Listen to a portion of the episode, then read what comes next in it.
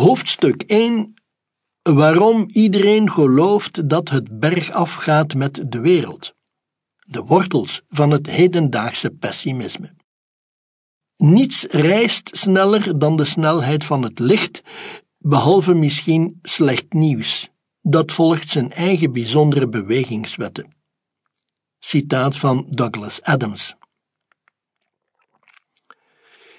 In juli 2016 gaf Barack Obama een toespraak aan de Howard University tijdens een ceremonie voor de kerstvers afgestudeerde studenten. Na wat gelukwensen, dankwoordjes en sympathieke grapjes komt de voormalige president ter zake. Pas op, waarschuwt hij, er volgt zometeen een controversiële stelling. Een hot take die niet bij iedereen in goede aarde zal vallen. De gewaagde stelling van Obama: Het gaat goed met de wereld.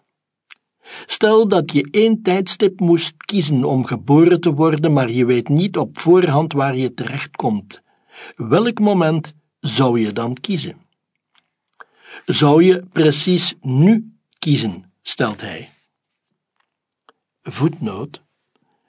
Dit gedachte-experiment is een variatie op de sluier van onwetendheid van de filosoof John Rawls. Einde van de voetnoot. Vertwijfeling en onwennigheid alom bij het publiek. Minutenlang krijgt de president het ene open doekje na het andere, maar plots applaudisseert bijna niemand meer. Kan het werkelijk waar zijn wat Obama zegt? En moet je wel applaus krijgen voor zo'n stelling? Hier zijn een aantal feiten. Tot omstreeks 1820 leefde naar schatting 94% van de wereldbevolking in extreme armoede. De meeste mensen hadden amper voldoende voedsel om te overleven. Ze balanceerden voortdurend op de rand van de hongersnood. Ze hadden geen schoon drinkwater, geen dak boven hun hoofd, geen adequate beschutting tegen winterkou. Ze werden geteisterd door infectieziekte en oorlog. Extreme armoede en ellende waren de normale stand van zaken voor de overgrote meerderheid van de mensen die ooit op aarde hebben rondgelopen. Zoals de econoom Gregory Clark schreef, de gemiddelde persoon op de wereld in 1800 had het niet beter dan de gemiddelde persoon in het jaar 100.000 voor Christus. De wereldgeschiedenis tot 1800 in een notendop, één hoop miserie. Rond 1820 begint er echter iets geks te gebeuren. Er komen steeds meer mensen bij, maar het deel dat in armoede leeft wordt steeds kleiner. Dat is nogthans niet echt logisch. Als er meer monden zijn om te voeden, moet er dan niet meer armoede zijn. In 1820 leefde er een slordig miljard mensen. Tegen 1950 was dat verdubbeld naar 2 miljard. Maar slechts 72% van hen leefde nog in extreme armoede. En toen ging het steeds sneller. In 2000 leefden er meer dan 6 miljard mensen, maar het armoedecijfer daalde verder tot 30 procent. Tegenwoordig zijn we bijna met 8 miljard, maar slechts 8 procent leeft onder de armoedegrens en dat percentage blijft dalen. Een voetnoot. Op de World Poverty Clock kun je de vooruitgang in de strijd tegen de armoede op de voet volgen. Einde voetnoot. De daling van de armoede geldt niet enkel in relatief opzicht, als percentage van de wereldbevolking, maar ook in absolute aantallen. Er leven anno 2019 minder arme mensen op deze wereld, stuk voor stuk geteld dan 30 jaar geleden, ondanks de enorme bevolkingsgroei. Als je naar levensverwachting kijkt, zie je een soortgelijk verhaal. Tot omstreeks 1800 is de wereldgeschiedenis eentonig en saai. De gemiddelde levensverwachting schommelt rond de 30 jaar. Epidemieën en oorlogen zorgen hier en daar voor een knikje, maar grosso modo blijft de lijn honderdduizenden jaren lang bijna volledig vlak. En dan, vanaf 1800, beginnen mensen plots minder snel dood te gaan. Eerst in het rijke Westen, daarna in de rest van de wereld. De gemiddelde levensverwachting anno 2019 is meer dan het dubbele van wat ze gedurende de hele menselijke geschiedenis was. Nu ongeveer 72 jaar. In Europa worden mensen gemiddeld 81,4 jaar oud, in Japan maar liefst 84,2 jaar. Vooral kinderen sterven minder vaak dan vroeger. Meer dan vier op tien kinderen die ooit ter wereld kwamen, voor 1800, vierden nooit hun vijfde verjaardag. Vanaf 1800 heeft de grafiek van kindersterfte een spectaculaire race naar de bodem ingezet. In rijke westerse landen bedraagt ze nog slechts een honderdste van wat ze voordien was. Kijk je naar de hele wereld, dan is het cijfer gedaald tot 4,25 procent. Wie het sinds 1800 een stuk minder goed doet, zijn de bacteriën en virussen die op de Homo sapiens parasiteren. De grootste killers van de geschiedenis waren infectieziekten. Vooral sinds de 20ste eeuw zingen die een toontje lager dankzij betere hygiëne, riolering en vaccinatie. Sommige zijn zelfs helemaal uitgeroeid of balanceren op de rand van extinctie, zoals pokken, polio, runderpest en rivierblindheid. Vele andere, malaria, mazelen, guineaworm, tetanus, rode hond, bof, zijn slechts een schim van wat ze ooit waren. De econoom Angus Deaton noemt het verhaal van de vooruitgang sinds 1800 The Great Escape de grote ontsnapping aan honger, ziekte en een vroege dood. De meest beknopte en levendige weergave van deze grote ontsnapping, een Houdini waardig, vind je bij de Zweedse statisticus Hans Rosling. Op zijn website Gapminder krijg je een bewegende grafiek te zien die het hele duizelingwekkende verhaal samenperst in 40 seconden. Elk land ter wereld wordt voorgesteld door een bol. Op de verticale as zie je de levensverwachting per land, op de horizontale as het inkomen. De bewegende grafiek begint bij 1800 en duurt tot 2018. Vanaf het startschot begint een hoop krioelende en rondzwermende bollen zich langzaam maar zeker op te trekken van de linkerbenedenhoek, arme en korte en smerige levens, naar de rechterbovenhoek, rijke en lange en gezonde levens. De titel van Roslings TED Talk over zijn grafiek is nauwelijks overdreven: The best stats you've ever seen. Maar als mensen steeds minder vroegtijdig doodgaan, raakt de planeet dan niet stilaan vol. Staat er ons geen catastrofale bevolkingsexplosie te wachten? Ook op dat front is er goed nieuws. De groei van de wereldbevolking is sinds de jaren 70 sterk afgeremd. En ook hier steeds weer hetzelfde patroon. Het rijke Westen neemt het voortouw, de rest van de wereld volgt enkele decennia later. Dat staat bekend als de demografische transitie. De overgang van veel kinderen en veel sterfte naar weinig kinderen en weinig sterfte. Dat de wereldbevolking nog steeds toeneemt, komt niet omdat er steeds meer kinderen geboren worden, maar omdat de mensen die er al zijn langer blijven leven. De groei van de wereldbevolking bereikte zijn hoogtepunt in de jaren 70 en is sindsdien steil aan het dalen. Er lopen vandaag ongeveer 2 miljard kinderen rond op de planeet. De Verenigde Naties voorspellen dat er in 2100 nog steeds 2 miljard kinderen zullen zijn. Natuurlijk niet meer dezelfde kinderen. Neem om het even welk criterium van menselijk welzijn en je ziet dat we er beter aan toe zijn dan vroeger. Telkens belandt eerst West-Europa op de rutschbaan, daarna de rest van de wereld. Ik wil je niet lastigvallen met alle statistieken en cijfers, want op de duur wordt dat eentonig, maar toch nog enkele hoofdpunten. In 1800 kon slechts 12% van de wereldbevolking lezen en schrijven. In 2019 is de verhouding tussen geletterde en ongeletterde helemaal omgekeerd. 85% van de wereld kan nu lezen en schrijven. Of neem moord en geweld. De kans dat iemand je de hersenen insloeg was in de middeleeuwen bijna 50 keer zo groot als nu. Bijna alle vormen van geweld, oorlog, verkrachting, lynchpartijen, genocide, partnergeweld, zijn de laatste eeuwen sterk afgenomen. Slavernij, vroeger de normaalste zaak van de wereld, is overal afgeschaft. De grafieken van oorlog en genocide gedragen zich een stuk grilliger, met twee extreme uitschieters in de voorbije eeuw, maar ook daar is de tendens zeer gunstig. Zeker sinds de Tweede Wereldoorlog, de laatste wereldwijde massaslachting, is het aantal oorlogsdoden decennium na decennium afgenomen.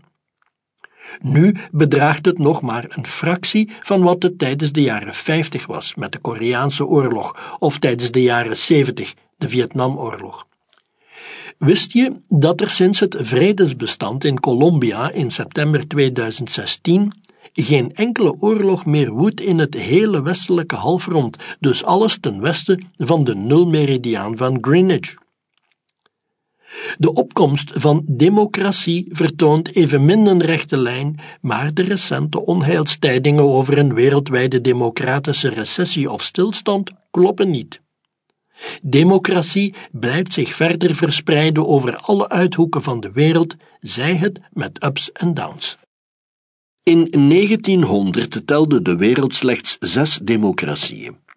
Na de Tweede Wereldoorlog waren ze met 26. In 2017 bereikte het aantal democratische landen volgens het Pew Research Center een recordhoogte. Als je het kleine grut niet meerekent, mini-landjes met minder dan een half miljoen inwoners, dan tellen we 97 democratieën op 167 landen. Dat is samen 58 procent van de wereld. Eenzelfde positieve tendens zie je als je kijkt naar het aantal mensen dat onder een democratisch regime leeft. Zelfs met het milieu gaat het tegenwoordig beter, vooral in rijke landen. Lucht en rivieren in Europa zijn veel schoner dan enkele decennia terug. De zware milieuvervuiling waarover mensen zich in de vorige eeuw terecht zorgen maakten, zwaveloxide, lood, kwik, cadmium, stikstofoxide, is in rijke westerse landen bijna helemaal opgelost. Door veredeling en kunstmest liggen onze landbouwopbrengsten tien keer zo hoog als vroeger, waardoor we in verhouding veel minder land nodig hebben om voedsel te telen. Voedsel dat overigens veiliger, gezonder en gevarieerder is dan ooit tevoren. Enzovoort. Onwetendheid.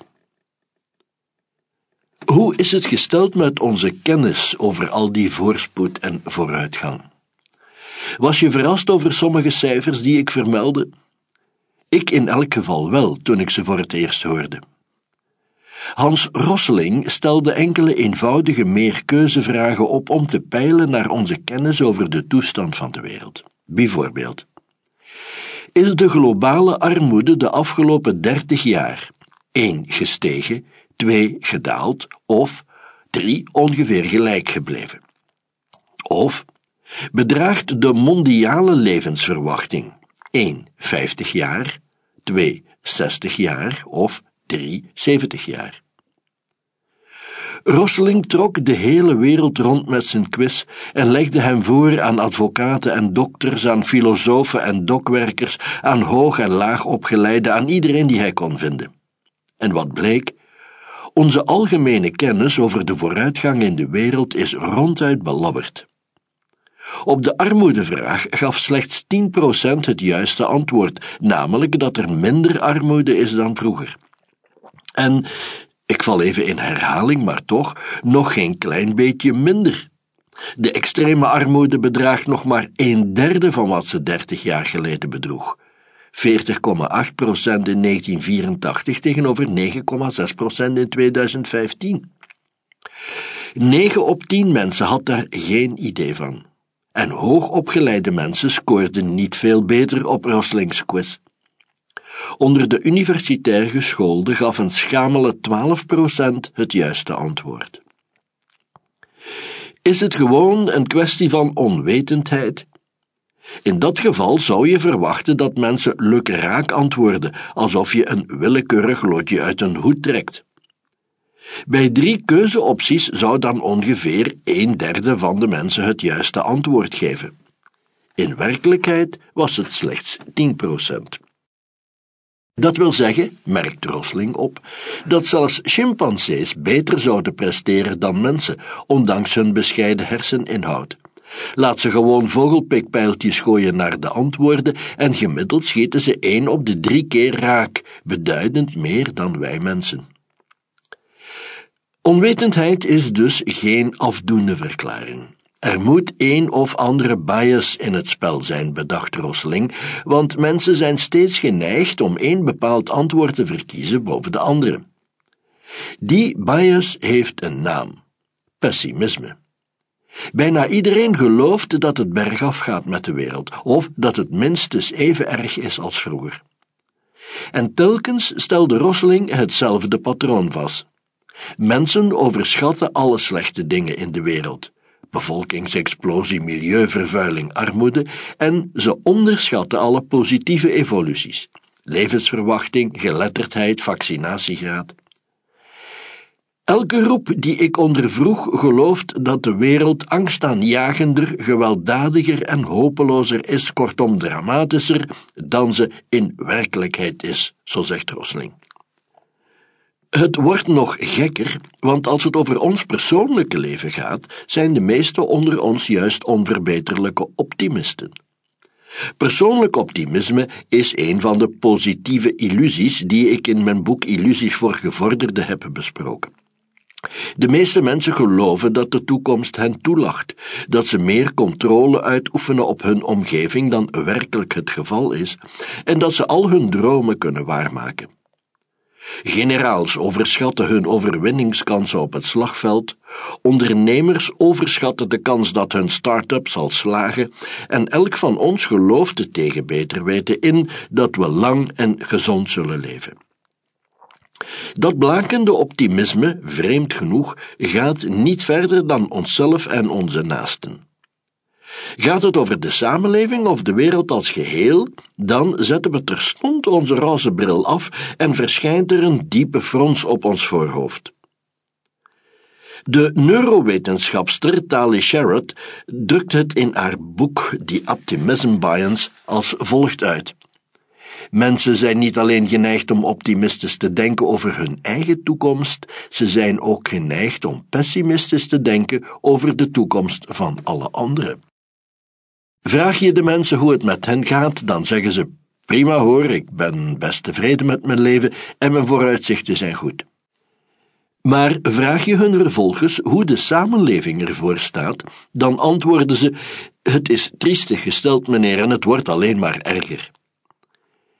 De Nederlandse socioloog Paul Schnabel vat die paradox als volgt samen: Met mij gaat het goed, met ons gaat het slecht. De wet van de onzichtbaarheid van vooruitgang.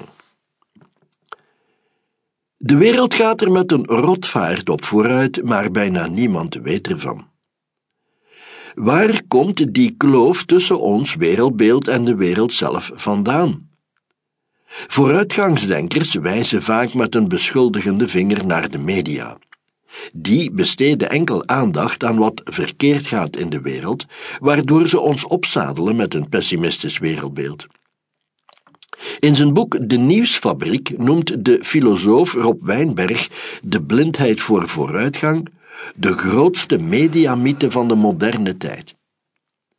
In die analyse schuilt zeker een grond van waarheid. Media hanteren van oudsher het adagio van de zwartkijker. Goed nieuws is geen nieuws. Moorden, verkrachtingen, orkanen, vliegtuigcrashes, hongersnoden en ander sensationeel rampspoed worden breed uitgesmeerd, Maar goed nieuws over armoededaling en kindersterfte krijgt nauwelijks aandacht.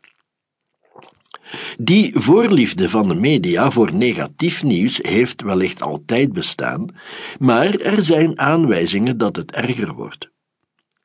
In een recente analyse van grote hoeveelheden nieuwsberichten stelden onderzoekers vast dat de toonzetting van de media gedurende de laatste decennia steeds grimmiger werd.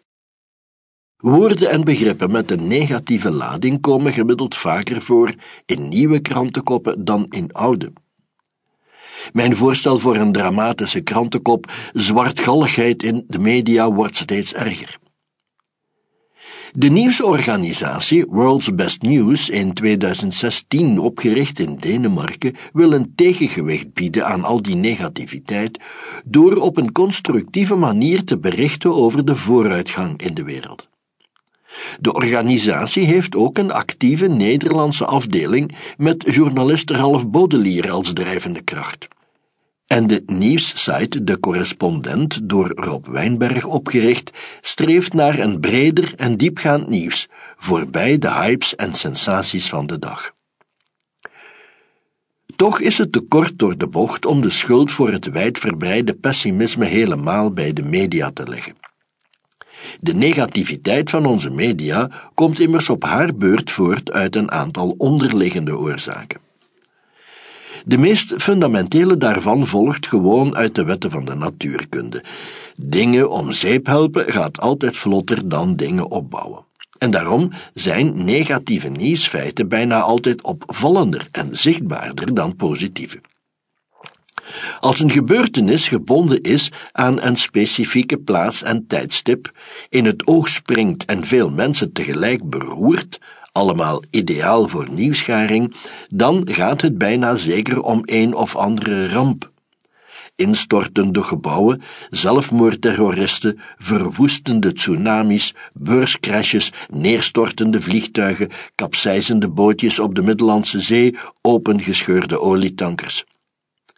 Al deze rampen zijn duidelijk afgebakend in ruimte en tijd, waardoor je er makkelijker een reporter kunt op afsturen.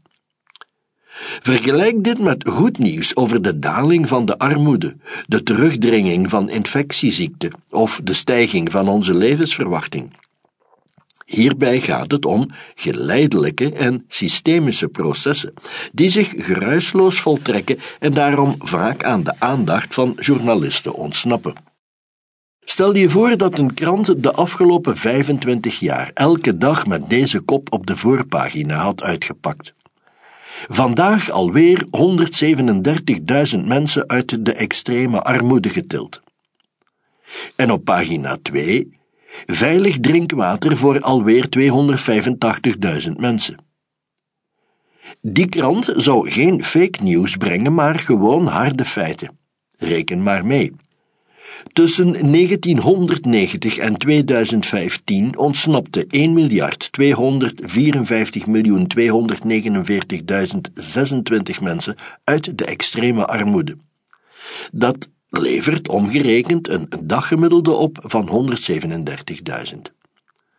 Waar vind je die 137.000 fortuinlijke mensen? Nergens in het bijzonder. Niet alleen wonen ze op verschillende plaatsen en kennen ze elkaar niet, je kunt ze ook niet zomaar aanwijzen. Mensen die zich uit de armoede opwerken, steken geen magische drempel over, alsof ze op een ochtend wakker worden en merken dat ze niet langer arm zijn. Dat kan misschien als je de lotto wint. Die 137.000 is een statistische abstractie en daar kun je niemand op afsturen voor een interview. Armoededaling is een geleidelijk proces dat zich over grote afstanden en lange tijdspannes uitstrekt. Iets soortgelijks doet zich voor bij de lotgevallen van de democratie. Alle schijnwerpers zijn tegenwoordig gericht op de landen waar de democratie onder druk staat, zoals in Turkije, Rusland of Hongarije. Autoritaire leiders en hun brutale machtspolitiek lopen nu eenmaal snel in de kijker. Dat leidt vervolgens tot onheilstijdingen over de terugval of de recessie van de democratie. Maar wie besteedt aandacht aan de vele landen die stapje voor stapje verder democratiseren, waar eerlijke verkiezingen plaatsvinden, waar partijen vreedzaam de macht weer afstaan? De plaatsen waar het de goede kant uitgaat, die vallen minder op. We kunnen dat de wet van de onzichtbaarheid van vooruitgang noemen. Vooruitgang verloopt langzaam en geruisloos, achteruitgang gaat in één klap en valt onmiddellijk op. Een tsunami dendert in enkele minuten over het land, de wederopbouw neemt maanden in beslag. De beurs crasht in luttele minuten, maar klimt pas na maanden uit het dal. Een nieuw mensenleven maken vergt maanden, er een om zeep helpen hooguit een seconde. Om te zien wat er goed gaat in de wereld moet je naarstige cijferaars en statistici aan het werk zetten. Om te zien wat er slecht gaat, hoef je alleen maar de tv aan te zetten. Goed nieuws is het onzichtbaarst wanneer het, zoals vaak, eenvoudigweg bestaat uit de afwezigheid van slecht nieuws. Elke dag zijn er talloze rampen die zich hadden kunnen voordoen, maar dat gelukkig niet deden. Vliegtuigen die veilig landen in plaats van neer te storten, vulkanen die niet uitbarsten, terroristen die niet toeslaan. Niemand haalt zich het in zijn hoofd om daar nieuws over te brengen. Live vanuit Wustwezel, vandaag alweer geen verkeersdoden, roofkraken of gaslekken. Voorlopig ook geen terroristen te bespeuren. Over naar de studio. Zelfs een verijdelde terreuraanslag of afgewende hongersnood krijgt veel minder media-aandacht dan een die wel plaatsvindt. De onzichtbaarheid van goed nieuws neemt ook subtielere gedaanten aan, waar ook kwaliteitsmedia zich door laten misleiden. Neem een willekeurige studie of een willekeurig rapport over een maatschappelijke kwaal, zoals drugshandel, fijnstof of alcoholgebruik. Die geven vaak een hele reeks cijfers en statistieken onderverdeeld naar bijvoorbeeld bevolkingsgroep, leeftijd of regio. Als de meeste van die cijfers gunstig zijn, maar eentje valt negatief uit, dan zullen de media vooral over dat ene cijfer berichten, bijvoorbeeld de groeiende eenzaamheid bij alleenstaande vrouwen in de leeftijdscategorie van 55 tot 64 jaar. Daar bestaat immers een maatschappelijk probleem en dus moeten we discussies gaan voeren over oorzaken en remedies. Een soortgelijke bias zie je als je opeenvolgende rapporten bekijkt. In de jaren waarin problemen geleidelijk en geruisloos afnemen, doen media er vaak het zwijgen toe. Er valt immers niks te melden. Verschijnt er vervolgens een jaarrapport waarin de problemen wel toenemen, dan schiet de mediamachine in actie en krijg je krantenkoppen als meer fijnstof in de lucht. Zorgwekkende toename van plofkraken. Meer kansarmoede in grote steden. Natuurlijk is het op zich begrijpelijk dat media vooral willen berichten over uitzonderingen, omdat die nu eenmaal nieuwswaarde hebben, en over problemen, omdat die nu eenmaal opgelost moeten worden. Een neveneffect van dat beleid is wel dat lezers en kijkers een vertekend beeld krijgen van de werkelijkheid. Ze gaan geloven dat de wereld ziender ogen achteruit gaat, terwijl die in werkelijkheid traag en geruisloos verbetert. Ik noem enkele vormen van onzichtbare vooruitgang die zich in 2018 voltrokken heeft en waar je wellicht nergens over las of hoorde. De armoedegraad in India is sinds 2005 maar liefst gehalveerd. Wat betekent dat 271 miljoen mensen uit de armoede ontsnapten.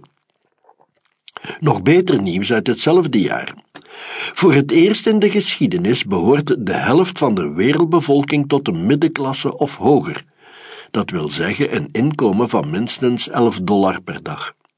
Dat wil zeggen dat niet enkel de extreme armoede, maar ook de gewone armoede steeds verder daalt.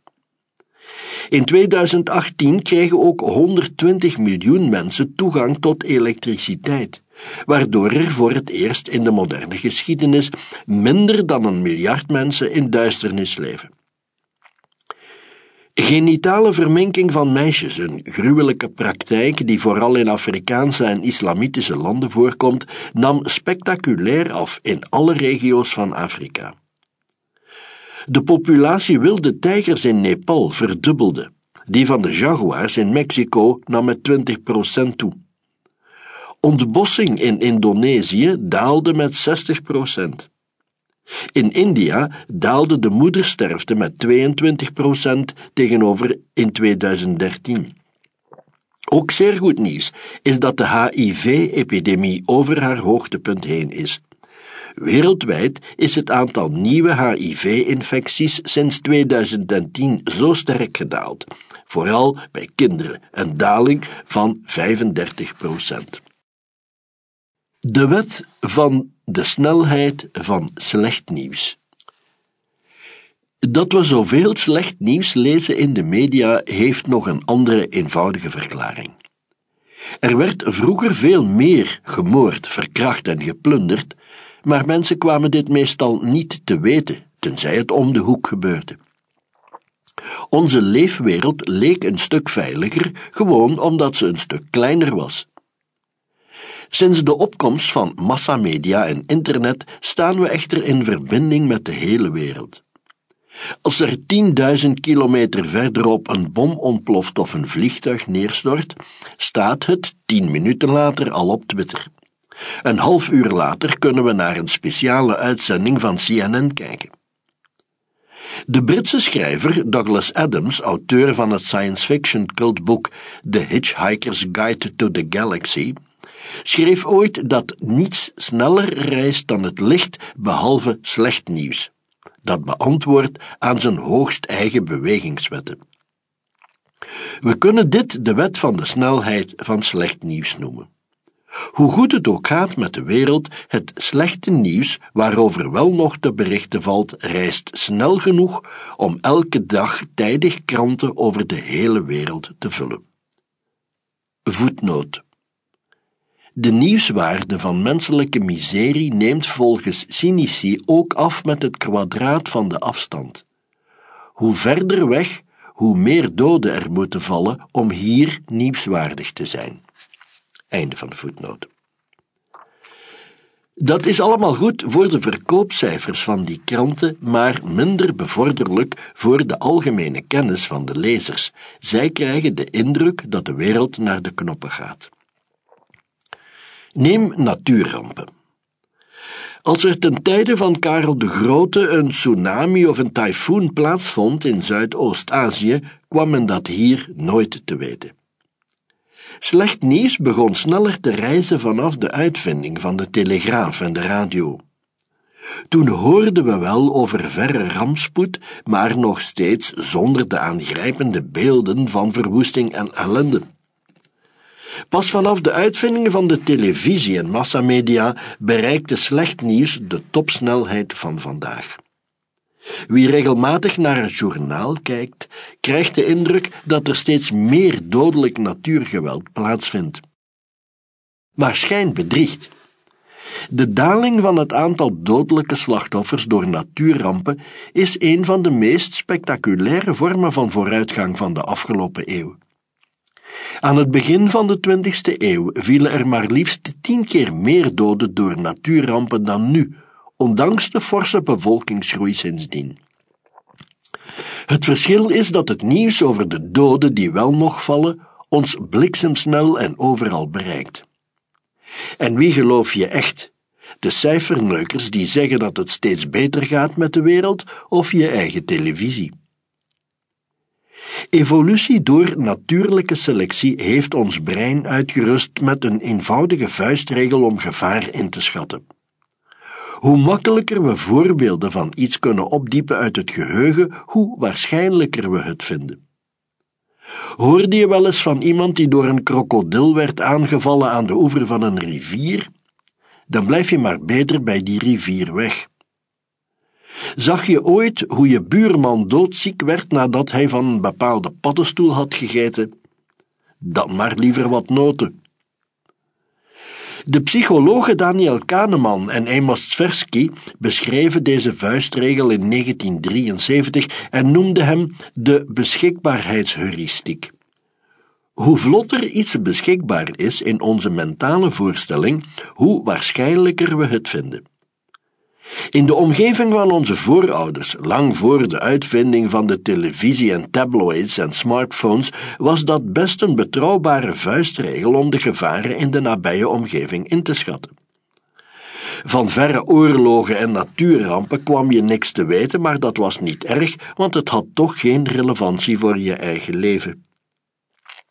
Sinds de komst van de massamedia horen en lezen we ook over talloze gevaren die amper relevant zijn voor ons persoonlijke leven, maar die we door de kracht van de beschikbaarheidsheuristiek sterk gaan overschatten. Ebola, seriemoordenaars, dioxines, nucleair afval, resistente bacteriën, dodelijke spinnen, kinderverkrachters. Een gevaar dat in werkelijkheid nauwelijks voorkomt, lijkt plots om elke hoek te loeren. En dat geldt zelfs als we weten dat het om fictie gaat. Een studie van Jan van Mierlo van de Universiteit Hasselt onderzocht het psychologische effect van medische drama's als Casualty, Holby City en ER. En wat blijkt? Wie een trouwe kijker van deze programma's is, gaat de kans om zelf getroffen te worden door een zeldzame ziekte sterk overschatten. Ook geneeskundestudenten kunnen ervan meespreken. Door in je cursus telkens opnieuw over zeldzame gruwelziekten te lezen, zou je op den duur vanzelf een hypochonder worden. Niemand maakt dankbaarder gebruik van de beschikbaarheidsheuristiek dan terroristen met dank aan de media, die terreur verpakken tot massaspectakel. Objectief gezien is de kans voor elk van ons om bij een terreuraanslag om te komen verwaarloosbaar klein.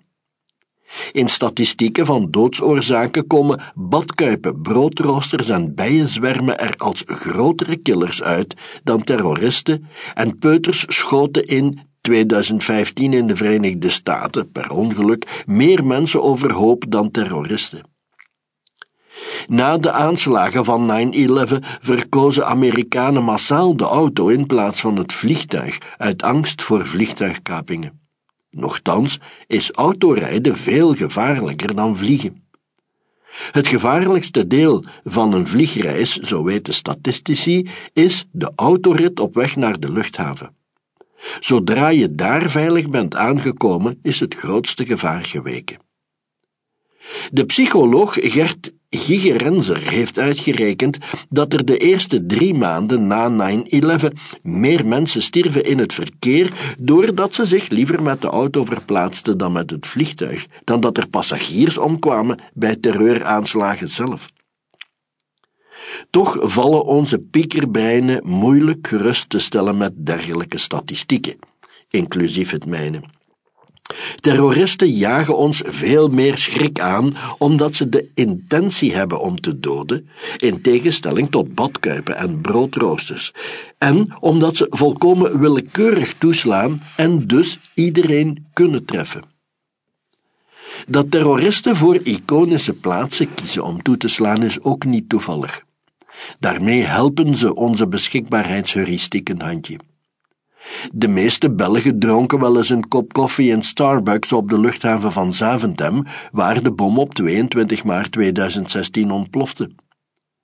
En omdat de gruwelbeelden op ieders netvlies gebrand staan, kunnen we ons allemaal levendig inbeelden dat we zelf slachtoffer van zo'n terreuraanslag worden en zijn we op de luchthaven van Zaventem nooit meer helemaal gerust. De oudheid kende ook terroristen, zoals de Joodse sicariërs of dolkstekers, die Romeinse bezetters doodstaken, maar die hadden amper impact omdat er geen massamedia bestonden. Terrorisme in ons mediatijdperk loont dan ook. Fysiek tref je relatief weinig mensen, maar je jaagt wel miljoenen meer de stuipen op het lijf. Mochten we met z'n allen afspreken om niet langer over terreuraanslagen te berichten, dan viel de psychologische strategie van terroristen in duigen. Maar dat is natuurlijk makkelijker gezegd dan gedaan. Slecht werkt beter dan goed. Maar waarom kijken mensen dan naar al dat nieuws over terreur en andere rampspoed als ze weten dat het hen de stuipen op het lijf jaagt? Dat brengt me bij een andere neiging van ons brein die ons vatbaar maakt voor pessimisme. Elke hoofdredacteur kan je het vertellen: rampennieuws verkoopt als zoete broodjes. Zoals de Britten zeggen: if it bleeds, it leads. Wanneer er bloed vloeit, zitten we allemaal op het puntje van onze stoel. Als we het terreurnieuws pas op pagina 17 aantroffen, zou het nog steeds meteen onze aandacht trekken. En als de media het helemaal niet zouden brengen, dan kochten mensen terstond een andere krant. Niet dat we het per se leuk vinden om over vreselijke gebeurtenissen te lezen, maar ze fascineren ons wel mateloos. Om dezelfde reden ontstaan bij gruwelijke auto-ongelukken ook altijd kijkfiles. We kunnen het niet laten.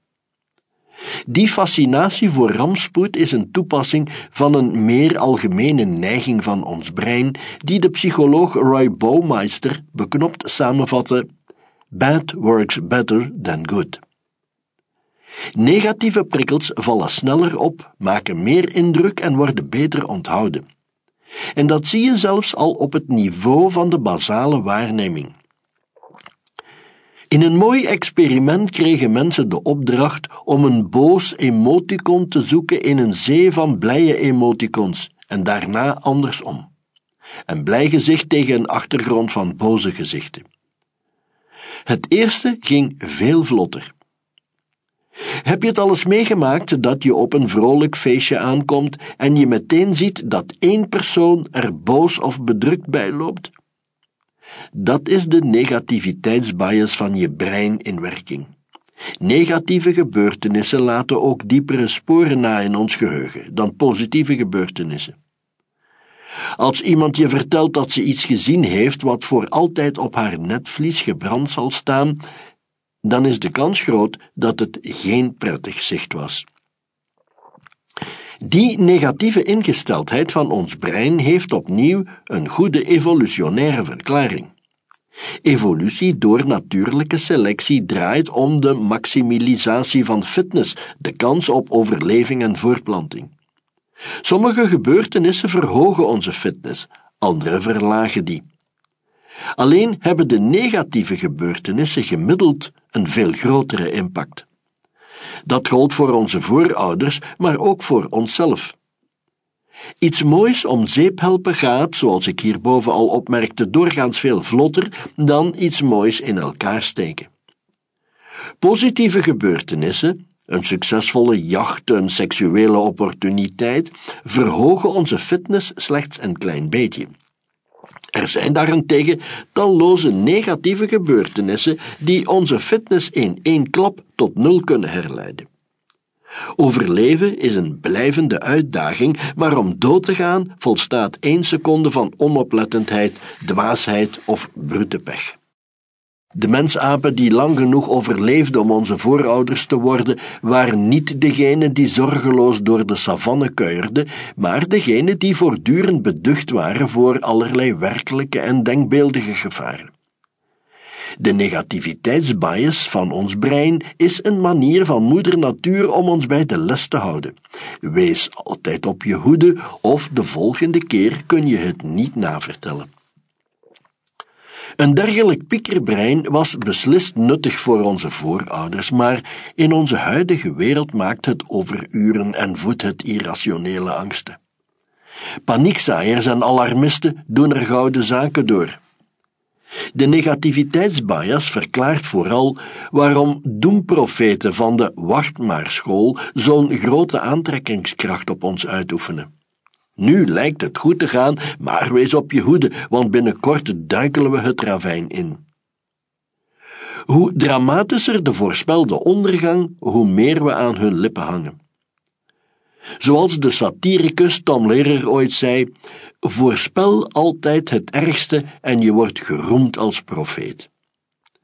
Wil je in alle talkshows uitgenodigd worden, bazuin dan rond dat de planeet binnenkort uiteenvalt door klimaatopwarming en we met z'n allen geroosterd, verstikt en verzwolgen zullen worden. Of dat het een kwestie van tijd is voor de derde wereldoorlog uitbreekt. Of dat intelligente robots de mensheid zullen uitroeien als dodelijke pandemieën hen niet te snel af zijn. In elk van ons schult een apocaholicus, die zich laaft aan lekkere doempraatjes zoals een dronkaard aan zijn fles. Dezelfde donkere fascinatie zien we in het domein van fictie en verbeelding. De meeste verhalen die mensen elkaar vertellen, van sprookjes tot wereldliteratuur, zijn verhalen van miserie en rampspoed, of toch minstens van ernstige problemen. In zijn essay Er was eens over het vertellend vermogen van de mens tracht filosoof Johan Braakman te verklaren waarom we in fictie vaak onze grootste nachtmerries ondergaan en waarom verhalen zonder ellende nauwelijks lezenswaardig zijn.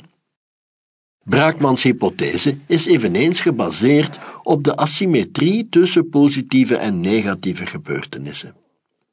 Net omdat rampspoed zo'n verpletterende impact kan hebben op onze fitness, doen we er ons voordeel mee om zoveel mogelijk over potentiële gevaren te leren.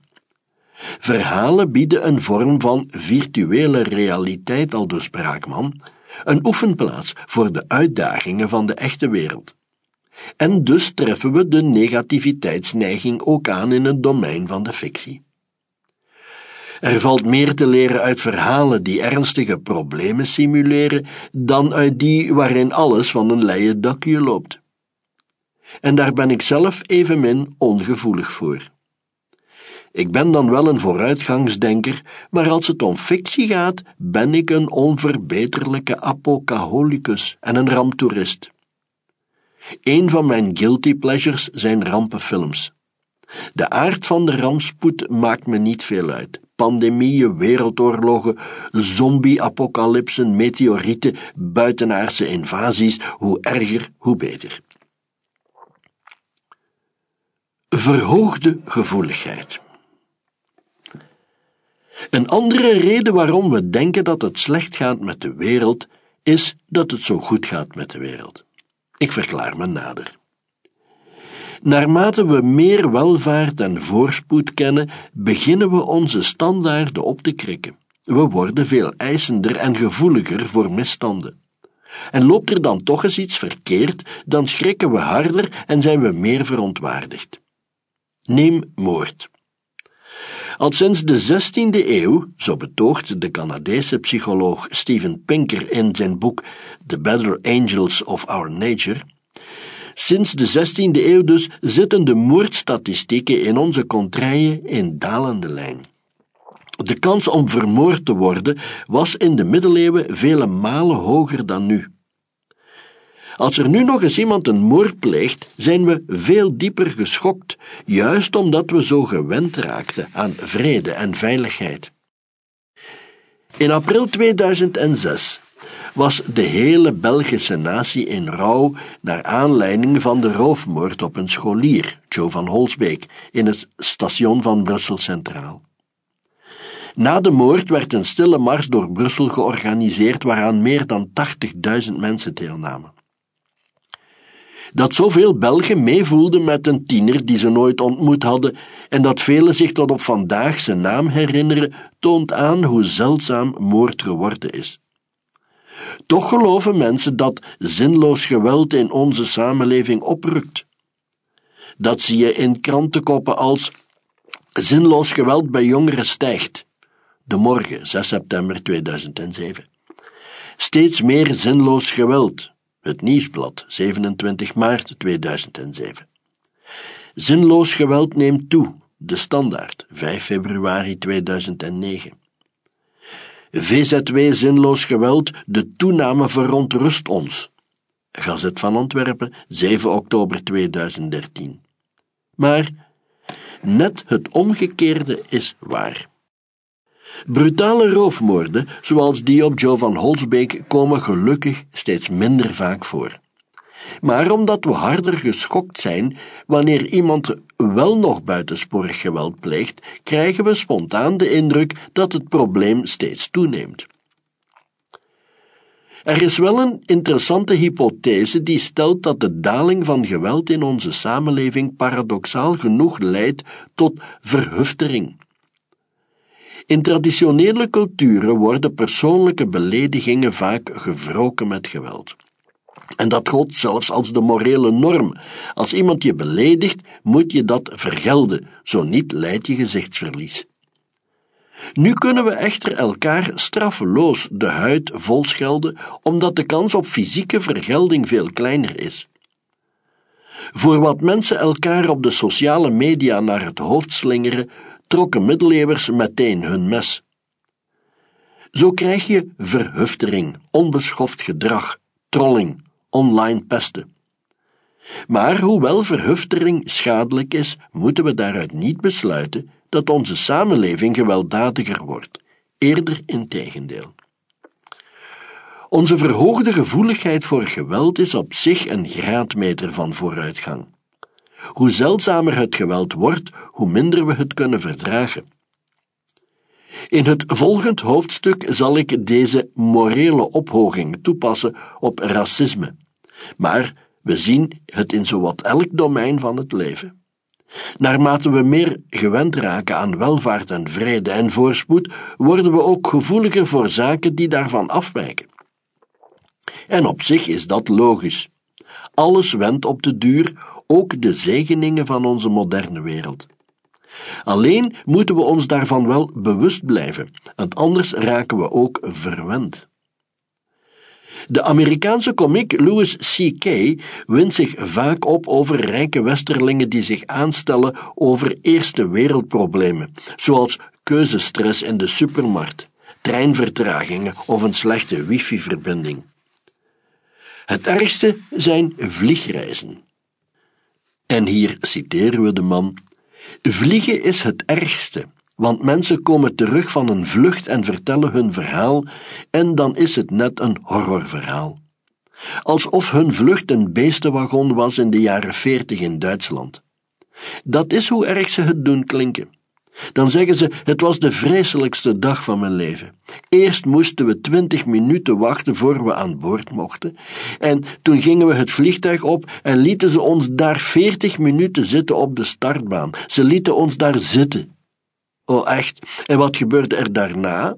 Vloog je door de lucht, wonderbaarlijk als een vogel? Werd je deelgenoot in het mirakel van de menselijke vlucht? Jij niets uitvretende nul? Wauw, je vliegt onvoorstelbaar. Iedereen op elk vliegtuig zou eigenlijk de hele tijd moeten gaan van Oh my god, wauw, je vliegt, je zit op een stoel in de lucht. Einde citaat. Natuurlijk kunnen we niet onophoudelijk in joelkreten uitbarsten over alle wonderen van de moderne wereld. En daarom werkt de tirade van Louis C.K. op de lachspieren. Toch kan het geen kwaad om af en toe eens onze zegeningen te tellen. Als je niet beseft hoe goed we het hebben en hoe hoog onze eisen liggen, dan ga je bij het minste probleem denken dat het toch God geklaagd is en dat het steeds verder bergaf gaat met de samenleving. Jeugdsentiment. Een andere belangrijke bron van pessimisme over de wereld is dat we geneigd zijn om de tijd waarin we zelf opgroeiden te romantiseren. Iedereen is vatbaar voor een beetje jeugdnostalgie, met uitzondering van mensen die als kind nog hongersnood, oorlog of andere extreme ellende hebben meegemaakt. Die zijn er meestal levenslang tegen ingeënt. De verklaring voor deze wijdverbreide nostalgie ligt voor de hand. Als je nog jong bent, heb je nog geen verantwoordelijkheden en leef je, normaal gezien, in een veilige, overzichtelijke en zorgeloze omgeving. Er zijn volwassenen die je liefhebben, die je voorzien in al je noden en behoeften en je afschermen van de boze buitenwereld. Het leed van de wereld gaat aan je voorbij, want je leest nog geen kranten en je kijkt nog niet naar het avondjournaal. De toekomst die zich voor je uitstrekt lijkt eindeloos en je kunt nog volop dromen. Maar dan word je ouder en blijven er steeds minder mensen over om voor je te zorgen. Er volgen gebroken beloftes, bittere teleurstellingen en pijnlijke verliezen. Je tijdshorizon versmalt, je eigen lichaam takelt langzaam af. Pink Floyd bezong dat gevoel in Time op het album The Dark Side of the Moon. The sun is the same in a relative way, but you're older, shorter of breath, and one day closer to death. Het ergst van al aan ouder worden is dat je naar het journaal begint te kijken en alle ellende ziet die zich in de wereld afspeelt. De verleiding is dan groot om onze persoonlijke gewaarwording op de buitenwereld te projecteren, alsof de wereld vroeger echt zorgelozer en geborgener was. Zoals de vooruitgangsdenker Greg Easterbrook schrijft: ouder worden brengt iedereen in de geestestoestand van achteruitgang. Vanaf middelbare leeftijd kleurt het verval elke toestand die je als mens kunt ervaren. In werkelijkheid was de wereld vroeger helemaal niet beter, maar wij waren gewoon te jong om er slecht van te slapen. Deze vorm van projectie is goed zichtbaar in de documentaire Onbehagen van Bas Heijnen, die hij voor de VPRO maakte op basis van zijn gelijknamige boek. De stelling van Heine luidt dat we leven in een tijd van groeiend onbehagen. De breuklijnen van onze samenleving worden volgens hem overal groter en dieper. Het sociale vertrouwen is verdwenen, de polarisatie neemt toe, de democratie staat steeds meer onder druk, de mensen blijven angstig en onzeker achter.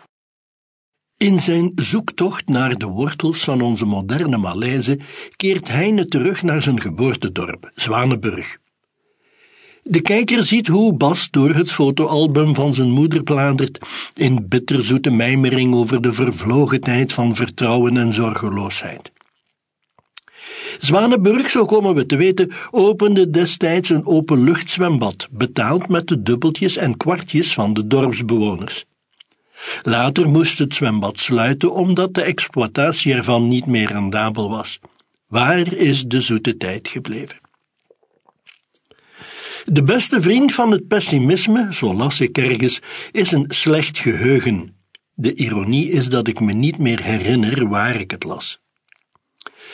Bas Heijnen is geboren in 1960. De wereld van toen was er volgens hem een van grenzeloos vertrouwen en vooruitgangsoptimisme. In werkelijkheid echter groeide Heine op in een wereld die veel gevaarlijker was dan vandaag.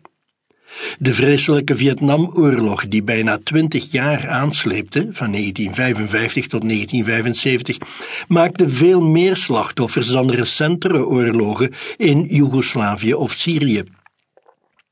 Europa werd geteisterd door een golf van terreuraanslagen. Door de Ierse IRA, de Baskische ETA, de Bader-Meinhof-groep en dichter bij huis waren er de treinkapingen bij Wijster en De Punt. De lucht- en bodemverontreiniging was veel erger dan nu. De beroemde rapporten van de Club van Rome voorspelden de nakende uitputting van grondstoffen, miljarden hongerdoden door overbevolking en dreigende ecologische catastrofes.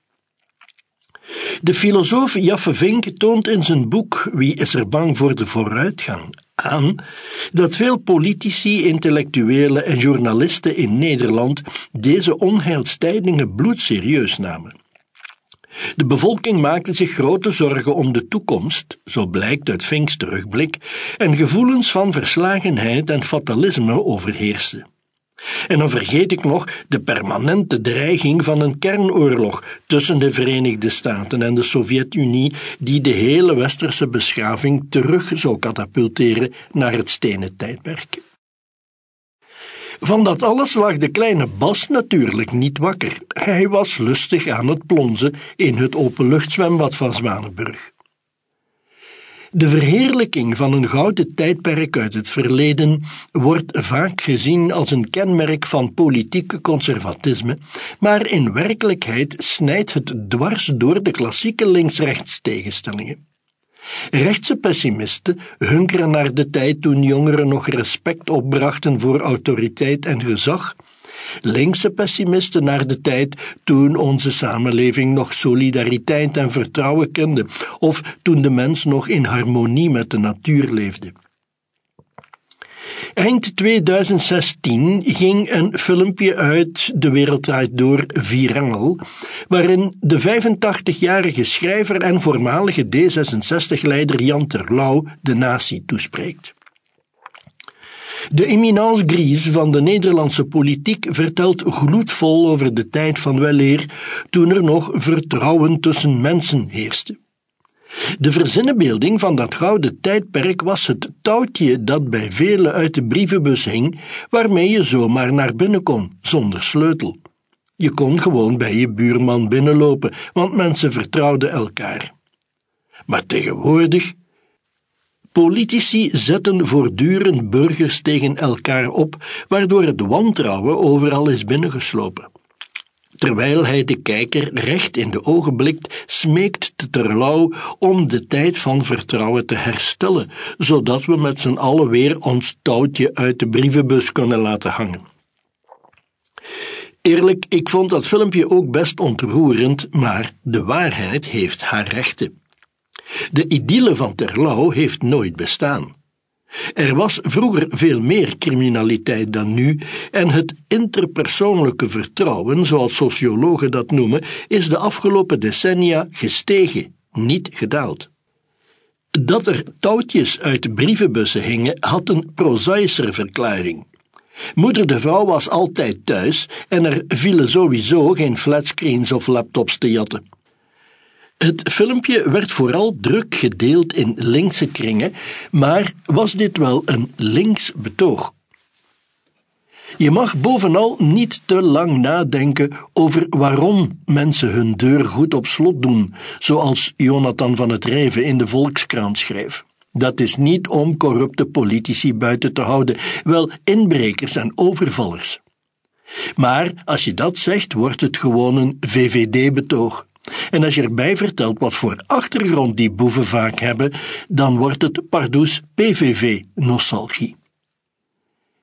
Van het Reven legt de vinger op de wonden. Nostalgische cultuurpessimisten als Bas Heijnen en Jan Terlouw schurken veel dichter aan bij rechtspopulisme dan ze zelf voor lief nemen. Nostalgie was ook het hoofdbestanddeel van de verkiezingscampagne van Donald Trump, zoals vervat in zijn terugblikkende en nostalgische slogan Make America Great Again. De beste voorspeller voor een stem op Trump, zo wezen exit polls uit, was een pessimistisch wereldbeeld. Van de Amerikanen die geloven dat de volgende generatie het slechter zal hebben dan de huidige, stemde slechts 31% voor Clinton tegenover 63% voor Trump. Net zoals Heine verlangen de kiezers van Trump naar een tijd van vertrouwen en voorspoed die nooit heeft bestaan. En net zoals Terlouw hunkeren ze naar kleine en overzichtelijke gemeenschappen waarin de mensen elkaar kunnen vertrouwen. Dat Trump in 2016 zijn intrek nam in het Witte Huis toont aan dat misplaatste nostalgie bijna niet onschuldig is. Waarom doemdenkers diepzinnig klinken. De verklaringen voor pessimisme die ik tot nog toe opsomde, vloeien simpelweg voort uit de manier waarop ons brein informatie verwerkt. Psychologen noemen dat koude oorzaken voor verkeerde opvattingen. Pessimisme is in die zin een vergeeflijke denkfout, we kunnen er niks aan doen. Naast koude verklaringen voor irrationele overtuigingen spreken psychologen echter ook over, je raadt het al, hete verklaringen. En die hebben te maken met emoties en drijfveren, met wat we graag willen en wensen. Zijn er ook hete verklaringen voor de wijdverbreidheid van pessimisme en doemdenken? Ik denk het wel. Dat ging ik gaandeweg vermoeden toen ik, inmiddels enkele jaren geleden, over vooruitgang begon te schrijven. Het viel me op hoe graag mensen luisteren naar iemand die verkondigt dat de wereld naar de knoppen gaat. En hoe hardnekkig sommigen volharden in hun zwartgallig wereldbeeld, zelfs nadat je hen gewezen hebt op objectieve data van betrouwbare instellingen als de Verenigde Naties of de Wereldbank. Tegen het pessimisme van sommigen, zo lijkt het wel, is geen cijferberg opgewassen. De boetade wil dat mensen schieten op brengers van slecht nieuws, maar volgens mij is het net andersom. De boodschappers van goed nieuws worden het hardst beschoten. In 2018 publiceerde Steven Pinker zijn indrukwekkende boek Enlightenment Now, waarin hij de menselijke vooruitgang op diverse vlakken aantoont met een berg cijfers en grafieken. Pinker werd echter zowel door rechtse als door linkse recensenten verketterd. Sommigen voeterden op zijn zelf ingenomen seculiere zekerheden, anderen op zijn evangelisme van wetenschap en zijn misplaatst geloof in data, parameters en statistische analyses. Hoe meer bewijzen de vooruitgangsdenkers aandroegen, en Pinker draagt er heel veel aan, hoe bozer de pessimisten werden. De econoom Deirdre McCloskey, een andere vooruitgangsoptimist, schreef daarover om redenen die ik nooit heb begrepen, horen mensen graag dat de wereld naar de verdoemenis gaat en reageren ze lichtgeraakt en neerbuigend wanneer een idiote optimist hun pret verstoort. Hier is een hete verklaring voor dit fenomeen. Pessimisme over ons persoonlijke leven vinden mensen meestal gezeur, maar pessimisme over de wereld wordt diepzinnig en slim bevonden. De 19e-eeuwse liberale filosoof John Stuart Mill zei ooit: Ik heb gemerkt dat niet de persoon die hoopt wanneer anderen wanhopen, maar de persoon die wanhoopt wanneer anderen hopen, door een grote groep mensen wordt bewonderd als een wijs man. Iemand die beweert dat het goed gaat met de wereld komt al gauw over als een naïveling met een gebrek aan kritisch denkvermogen, of als iemand met een nogal doorzichtig verkooppraatje. Of gewoon als een idioot, zoals McCluskey schreef. De historicus Philip Blom, die zich enkele jaren geleden, tot mijn grote ontgoocheling, ontpopte als een prekerige doemdenker, stelde onlangs vrij expliciet in een interview in De Morgen: Alleen dommerikken zijn vandaag optimistisch. Barack Obama nam geen onnodige voorzorgen toen hij zijn publiek in Howard University tot tweemaal toe waarschuwde voordat hij zijn zogenaamd controversiële uitspraak deed over vooruitgang. Beweren dat het goed gaat met de wereld wordt je in vele kringen niet in dank afgenomen. De pessimisten van de Wacht maar school lijken het slimst van allemaal. Iemand die verkondigt dat we op de rand van de afgrond staan, komt over als een onverschrokken en dappere enkeling die voorbij de schone schijn durft te kijken. Hij ziet de ijsschots in de verte opdoemen, terwijl iedereen in de balzaal aan het dansen is. Doemdenkers behouden die aura van diepzinnigheid zelfs wanneer er niets van hun doemvoorspellingen in huis komt. Want ooit, wacht maar, krijgen ze alsnog gelijk. De filosoof Francis Fukuyama verwoordde dat goed in zijn boek The End of History. Als de verwachtingen van een naïeve optimist worden gelogenstraft, komt hij over als een dwaas. Maar een pessimist die ongelijk krijgt, behoudt een schijn van diepzinnigheid en serieus. Het sprekendste voorbeeld daarvan is de Stanford-bioloog Paul Ehrlich, wellicht de beroemdste doemdenker van de afgelopen eeuw. Decennium na decennium al doet Ehrlich de ene doemvoorspelling na de andere. In zijn bestseller The Population Bomb uit 1968, inmiddels een halve eeuw geleden, voorspelde Ehrlich dat er binnen het decennium een miljard mensen zouden sterven door honger een voorspelling die hij in 1974 herhaalde voor het Amerikaanse congres. Alle belangrijke grondstoffen zouden binnenkort uitgeput raken, de economische groei zou op zijn grenzen botsten, het milieu zou vernietigd worden. India zou er tegen 1980 nooit in slagen om een half miljard mensen te voeden. Honderden miljoenen Indiërs zouden omkomen door honger. In werkelijkheid zijn armoede en hongersnood in India niet alleen spectaculair afgenomen, het land werd zelfs een netto-exporteur van voedsel. En dat terwijl er maar liefst 1,3 miljard mensen leven, meer dan dubbel zoveel als in 1968. De media smulden echter van Ehrlich. Meer dan twintig keer mocht hij aanschuiven bij het populaire tv-programma The Tonight Show als een moderne Cassandra. In 1970 kwam Ehrlich met nieuwe voorspellingen. De belangrijkste zeesoorten zouden binnen tien jaar allemaal uitsterven. Hele kustgebieden zouden worden geëvacueerd vanwege de dode vissenstank. De econoom en vooruitgangsoptimist Julian Simon kreeg het op zijn heupen van Ehrlichs doempraatjes en daagde de man in 1980 uit tot een weddenschap.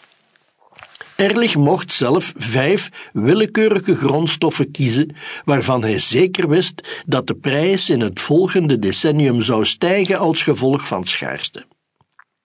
Ehrlich aanvaarde de weddenschap en koos voor koper, kroon, nikkel, tin en wolfram.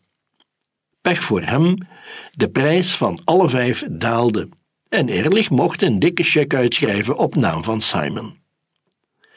Was het afgelopen met zijn reputatie, werd hij door iedereen uitgelachen? Geen sinds.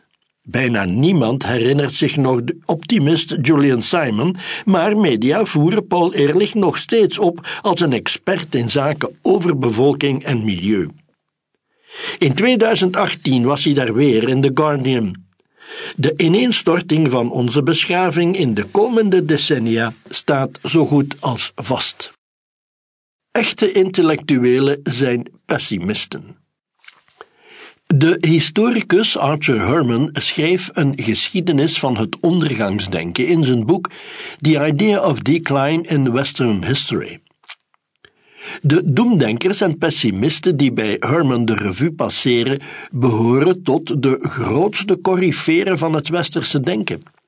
Friedrich Nietzsche, Sigmund Freud, Jean-Paul Sartre, Michel Foucault, Theodor Adorno, Edward Said, Martin Heidegger, Noam Chomsky. Bij elke stap voorwaarts die de mensheid zette, zo blijkt uit zijn boek, stonden er drommen intellectuelen klaar om te verkondigen dat het ziender ogen bergaf ging. De moderne mens was een leeghoofdig, oppervlakkig en zieloos wezen, vervreemd en afgestompt door moderne technologie. Kapitalisme en industrialisering ontwrichten harmonieuze pastorale gemeenschappen en verbrijzelden oude sociale hiërarchieën. Liberale opvattingen over huwelijk en seksualiteit reten hele gemeenschappen uiteen. Door globalisering vond een schadelijke en onhygiënische vermenging van rassen en volkeren plaats. Een andere groep intellectuelen bekende zich tot de wachtmaar-school. Nu leek het goed te gaan, maar het kapitalisme zou weldra ineenstorten. Het decadente avondland zou ten onder gaan, de exponentiële bevolkingsgroei zou eindigen in massale hongersnoden en oorlogen. In 1776, aan de vooravond van de moderniteit, schreef de filosoof Adam Smith er gaat zelden eens vijf jaar voorbij zonder dat er een boek of pamflet wordt gepubliceerd dat zogenaamd moet bewijzen dat de rijkdom van onze natie ziender ogen afneemt, dat het land wordt ontvolkt, de landbouw verwaarloost, dat bedrijven in verval raken en dat het afgelopen is met de vrijhandel. Als Smit zijn woorden honderd of tweehonderd jaar later had neergeschreven, waren ze nog steeds evenzeer van kracht. Dat de meeste grote denkers en filosofen uit de westerse traditie op een of andere manier pessimisten zijn, is geen toeval. Een intellectueel behoort kritisch te zijn over zijn tijdperk. Hij moet pijnlijke waarheden durven blootleggen en zijn tijdgenoten een spiegel voorhouden. Iemand die zegt dat het best goed gaat in zijn tijdperk is niet bijster intellectueel. Die zienswijze beïnvloedt ook vandaag het publieke debat.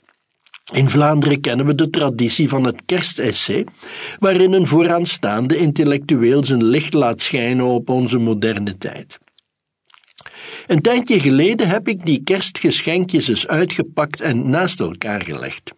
Ik werd er niet vrolijk van. In 2011 opende Mark Ruggebrink zijn kerstessay voor de standaard met de woorden: Weet u wat het is? Eigenlijk ben ik het zat, meer dan zat. Ruggebrink had het over de groeiende ontmenselijking en infantilisering in onze samenleving. Elke dag, zo schrijft hij, zou hij tegen zijn krant willen schreeuwen: Ik ben een mens, godverdomme, mijn leven heeft waarde. Een jaar later verscheen een kerstessay van Erwin Mortier. De redactie van de Standaard leidde het als volgt in. Terwijl het buiten te warm is voor de tijd van het jaar, wordt het binnenin steeds killer. Erwin Mortier schetst een grauw portret van bang blank Vlaanderen dat zich van achter zijn prikkeldraad afschermt van alles wat niet in de eigen navel past. Dat was een uitstekende samenvatting van Mortiers essay. Voor het volgende kerstfeestje in 2013 was het de beurt aan Tom Lanois. Hij trok van leer tegen de groeiende hardvochtigheid en het toenemende narcisme in onze samenleving. We gedragen ons even medogenloos en fanatiek als de terroristen die we beweren te bestrijden. En in de krant De Morgen ging het er al niet veel vrolijker aan toe.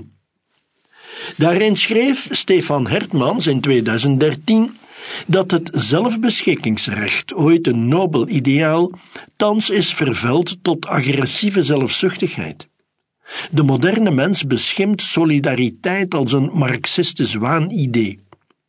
Armoede en uitsluiting nemen toe, het middenveld brokkelt af, het sociaal cement verdwijnt met rasse schreden. De schrijver Ilja Leonard Pfeiffer beklaagde zich dan weer over de teleurgang van het redelijke argumenteren in het publieke debat. Er heerst een dictatuur van het gevoel, want alles moet vluchtig en emotioneel en onmiddellijk zonder nadenken. De politiek is er helemaal door vergiftigd, aldus Pfeiffer. Ik heb uit de mond van onze zogenaamde staatslieden al minstens tien jaar geen argument meer vernomen. En op Twitter, zo sluit Pfeiffer af, gebruiken mensen nu zelfs leestekens om hun emoties te ventileren, want het alfabet is te cerebraal geworden. Dat is ons wereldbeeld aan het begin van het derde millennium. Goed, dan was er nog één laattijdig kerstessay in de morgen waarin verkondigd werd dat dit de beste tijd ooit is om te leven, maar dat telt eigenlijk niet, want dat schreef ik zelf. Tegenstrijdigheden. Wat opvalt als je deze kerstessens leest, is dat er geen enkele van deze schrijvers zich de moeite getroost om empirische bewijzen aan te dragen voor hun bouwde beweringen over het morele verval van onze tijd. Onheilspellende beweringen van het type steeds meer X en een opmars van Y worden bijna nooit gestaafd met onderzoek. Literaire coryfeeën kunnen het zich veroorloven om, louter gewapend met hun eigen natte vinger en hun indrukwekkende eruditie, de hele samenleving door de mangel te halen. Wie cijfers en peilingen nodig heeft om te weten dat de samenleving naar de knoppen gaat, is geen echte intellectueel. Als je niet gehinderd wordt door feiten en cijfers, kun je natuurlijk om het even wat beweren. Geen wonder dat de verschillende diagnoses van onze moderne malaise elkaar vaak tegenspreken. De cultuurpessimist Paul Verhagen, die we later nog zullen tegenkomen, stelt in zijn boek Identiteit dat de moderne mens gebukt gaat onder de dictatuur van het meetbare, de drang om alles rationeel te becijferen en te meten. Maar herinner je dat we volgens Pfeiffer daarnet onder de dictatuur van het gevoel leven?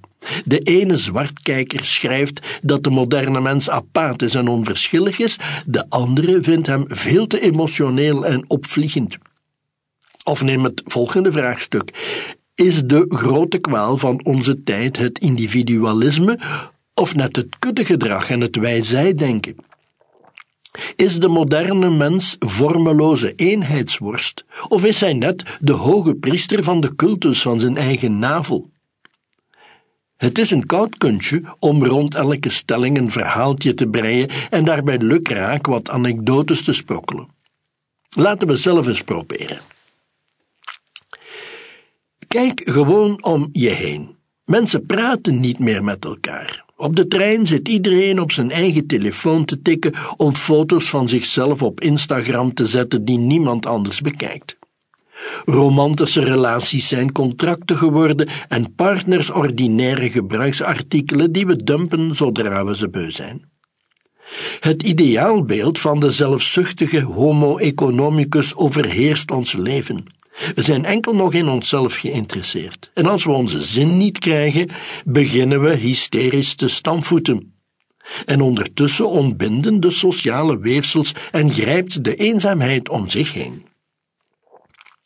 Poging 2. Kijk gewoon om je heen. Mensen plooien zich steeds meer terug op hun eigen knusse gemeenschappen.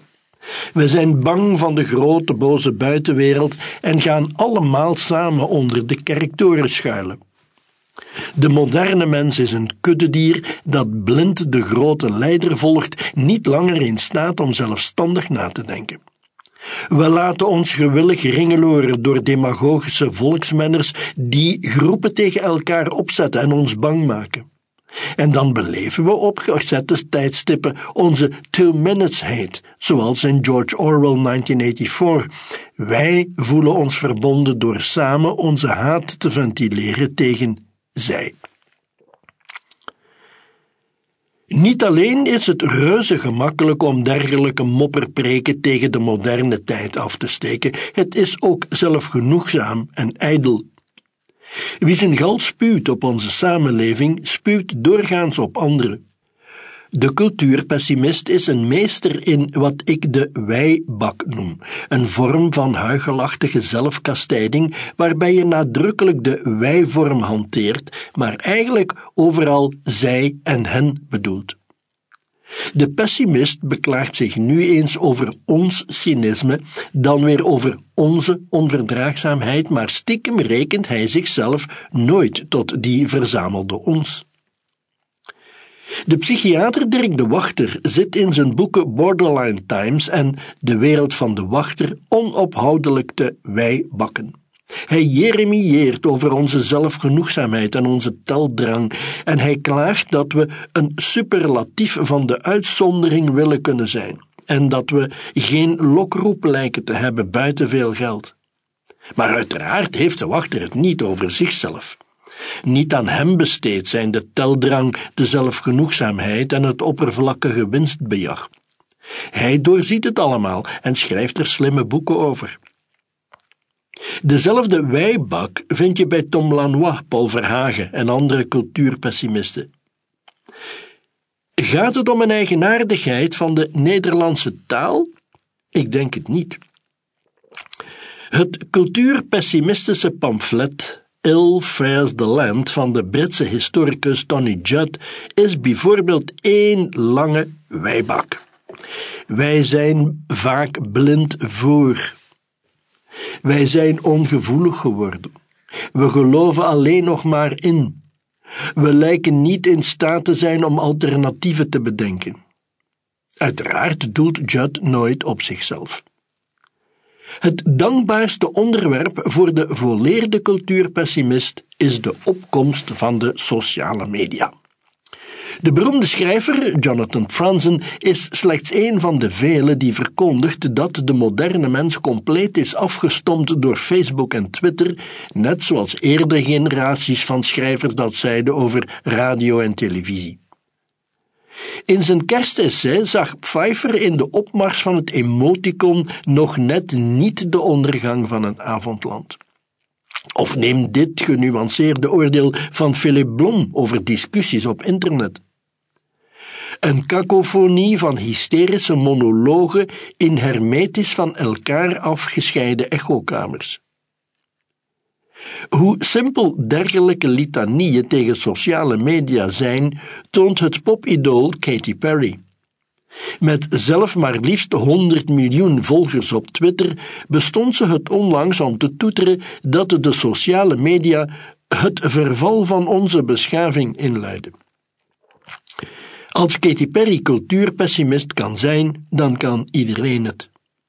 Sociale media hebben inderdaad alles gedemocratiseerd, met inbegrip van het gekanker op sociale media zelf. Een beetje zoals toeristen op vakantie steen en been klagen dat het overal stikt van de toeristen.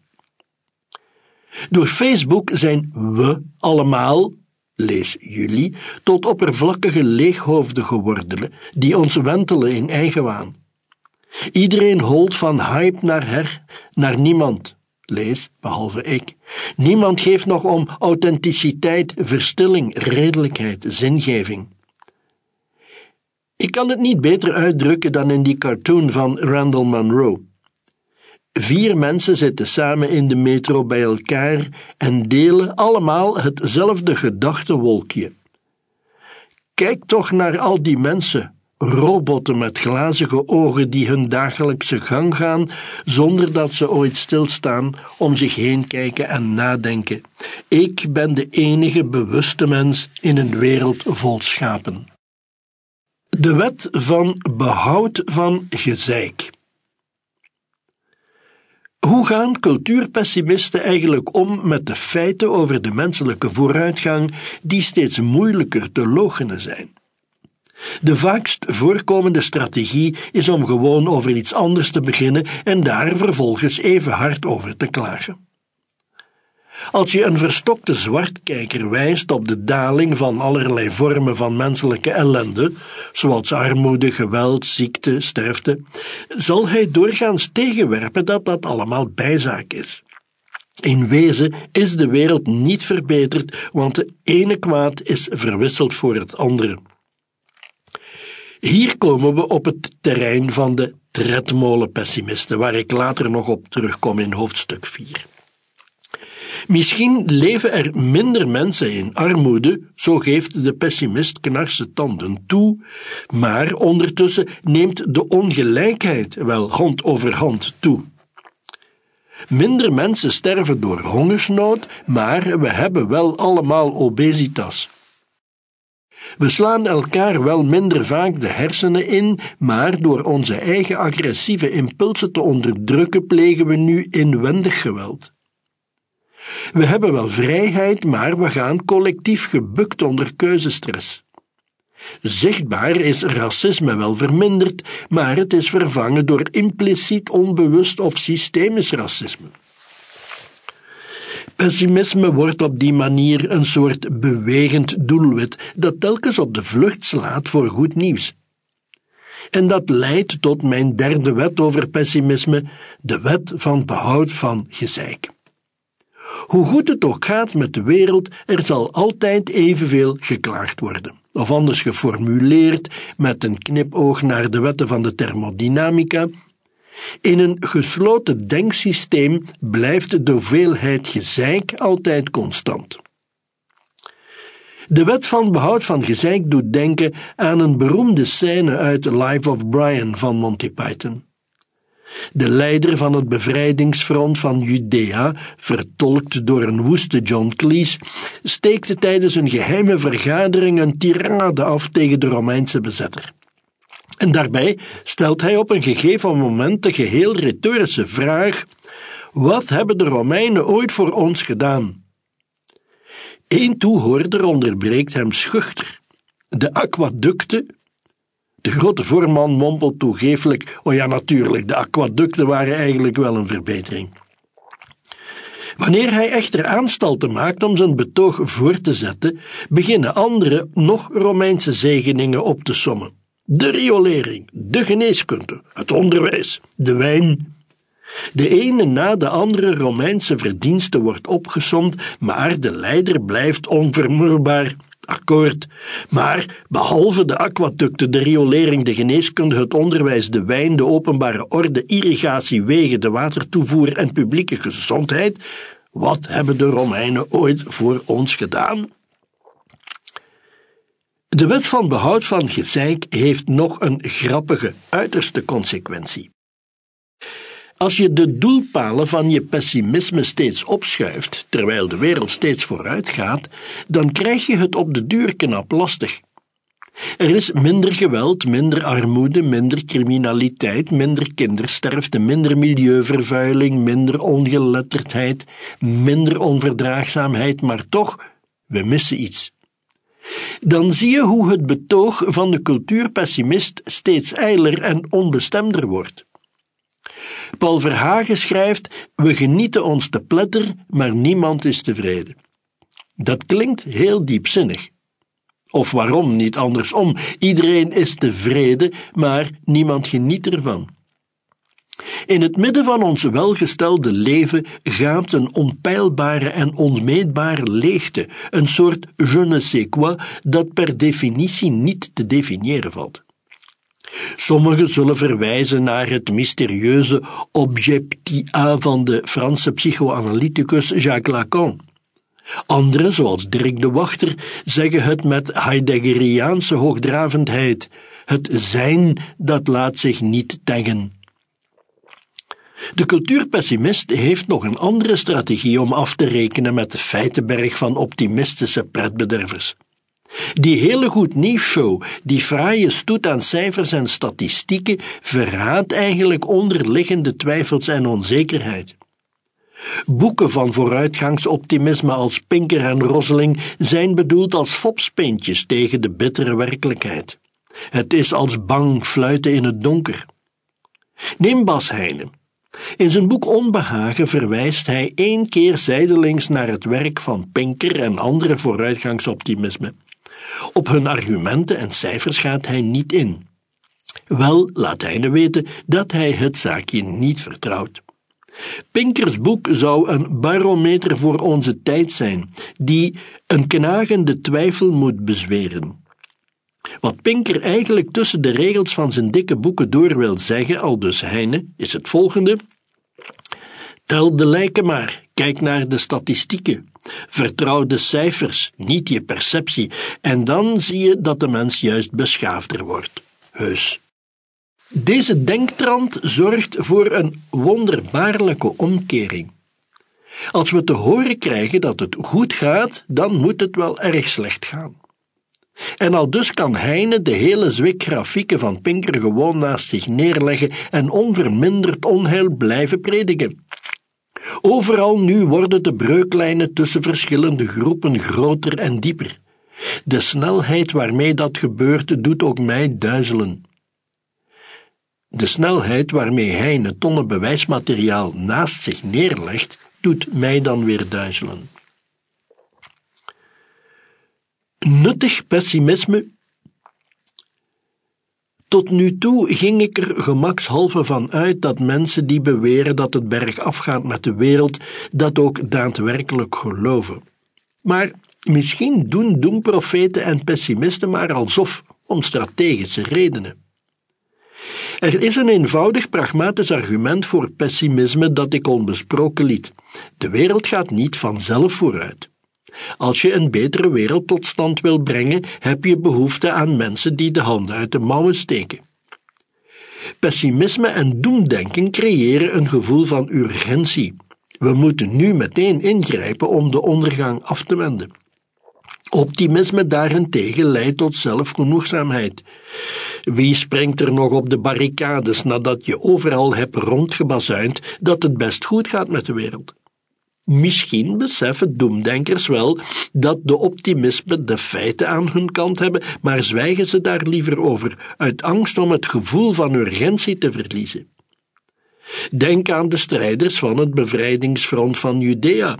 Naarmate steeds meer zegeningen van de Romeinse overheerser worden opgesomd, zie je dat ze ziender ogen hun animo verliezen om de bevrijdingsstrijd aan te vatten. Want die Romeinen zijn toch nog de kwaadste niet. Vandaag, en we schrijven december 2018, vond ik een folder in mijn brievenbus van Artsen zonder Grenzen met de volgende onheilspellende boodschap. Stevenen we af op een samenleving waar ieder voor zich leeft? waar de afwijzing van de ander zonder schaamte en zonder scrupules normaal wordt, waar racisme geliked en getweet wordt, vallen we ten prooi aan een epidemie van onverschilligheid. Artsen zonder grenzen luidt de alarmbel. Geloven de auteurs van deze tekst dat nu echt? Of doen ze maar alsof om meer fondsen te werven? De motivatie ligt immers voor de hand. Als mensen geloven dat onverschilligheid stilaan epidemische proporties aanneemt, zullen ze sneller geneigd zijn om terstond geld over te schrijven. Stort nu of de wereld stort ineen. Artsen zonder grenzen is niet de enige NGO die graag aan alarmisme doet. Elke liefdadigheidsorganisatie heeft er belang bij de maatschappelijke bezorgdheid over het probleem waaraan ze haar bestaansrecht ontleent levendig te houden. Een snuifje alarmisme kan daarbij wonderen doen. Je kunt dat punt toepassen op armoede. Als we niet ingrijpen, vallen er miljoenen hongerdoden. Op infectieziekten. Zonder uw hulp is de verspreiding van ebola onstopbaar. En op elk ander maatschappelijk euvel. Epidemie van eenzaamheid grijpt om zich heen. Zoals vooruitgangsdenker Matt Ridley het uitdrukt, er zijn enorme belangen gemoeid bij pessimisme. Geen enkel goed doel heeft ooit geld ingezameld door te verkondigen dat het beter gaat. Geen enkele journalist heeft ooit de voorpagina gehaald door zijn redacteur te zeggen dat hij een verhaal wil schrijven over hoe rampen nu minder waarschijnlijk zijn. Neem het klimaatprobleem, waar ik verderop nog uitgebreid op inga. Niemand heeft een glazen bol, dus niemand weet met absolute zekerheid hoe ons klimaat zal evolueren. Als we een evenwichtig beeld schetsen van de toekomstmodellen, rekening houdend met waarschijnlijkheden, lopen we het risico dat niemand zal luisteren. Dan denken mensen dat het wel zal meevallen dat we de huidige koers nog wel even kunnen aanhouden. Is het bijgevolg niet beter om naar de buitenwereld toe uit te gaan van het worst-case scenario? Een beetje paniek zaaien om maatschappelijke bewustwording te oogsten. Je kunt nog verder gaan. Als pessimisme aanspoort tot actie, dan is de vooruitgang van de wereld misschien wel te danken aan al die kankeraars en zwartkijkers die volhielden in weerwil van de feiten dat alles naar de knoppen ging. Dat is het fenomeen van de zogenaamde zelfweerleggende voorspelling, het minder bekende broertje van de self-fulfilling prophecy. Als je het einde van de wereld voorspelt, maar door je waarschuwing schieten mensen wakker en wordt de voorspelde ondergang afgewend, dan heb je bijgedragen aan de weerlegging van je eigen voorspelling. Gelukkig maar, want als je had gezwegen of voorzichtiger was geweest, dan was je doembeeld wel uitgekomen. In haar beroemde boek Silent Spring uit 1962 voorspelde Rachel Carson dat er door het massale gebruik van DDT en andere pesticiden binnen afzienbare tijd geen wilde natuur meer over zou zijn. De lentes zouden gaan verstillen, alle kwinkelerende vogeltjes zouden doodgaan, vergiftigd door pesticiden. Mede dankzij Carsons waarschuwing kwam er in de Verenigde Staten en daarna wereldwijd tijdig een verbod op DDT. Voetnoot. Volgens sommigen heeft Carson juist grote schade aangericht met haar doemvoorspellingen, omdat DDT een zeer efficiënte manier is om malaria-muggen te doden. Ik durf me er niet over uit te spreken. Einde voetnoot. Niemand weet wat er precies gebeurd zou zijn als mensen zoals Carson ons niet hadden gewaarschuwd en we zorgeloos DDT waren blijven sproeien. De vraag is of Carson zelf geloofde dat het zo'n vaart zou lopen met die stille lentes, zelfs zonder een DDT-verbod.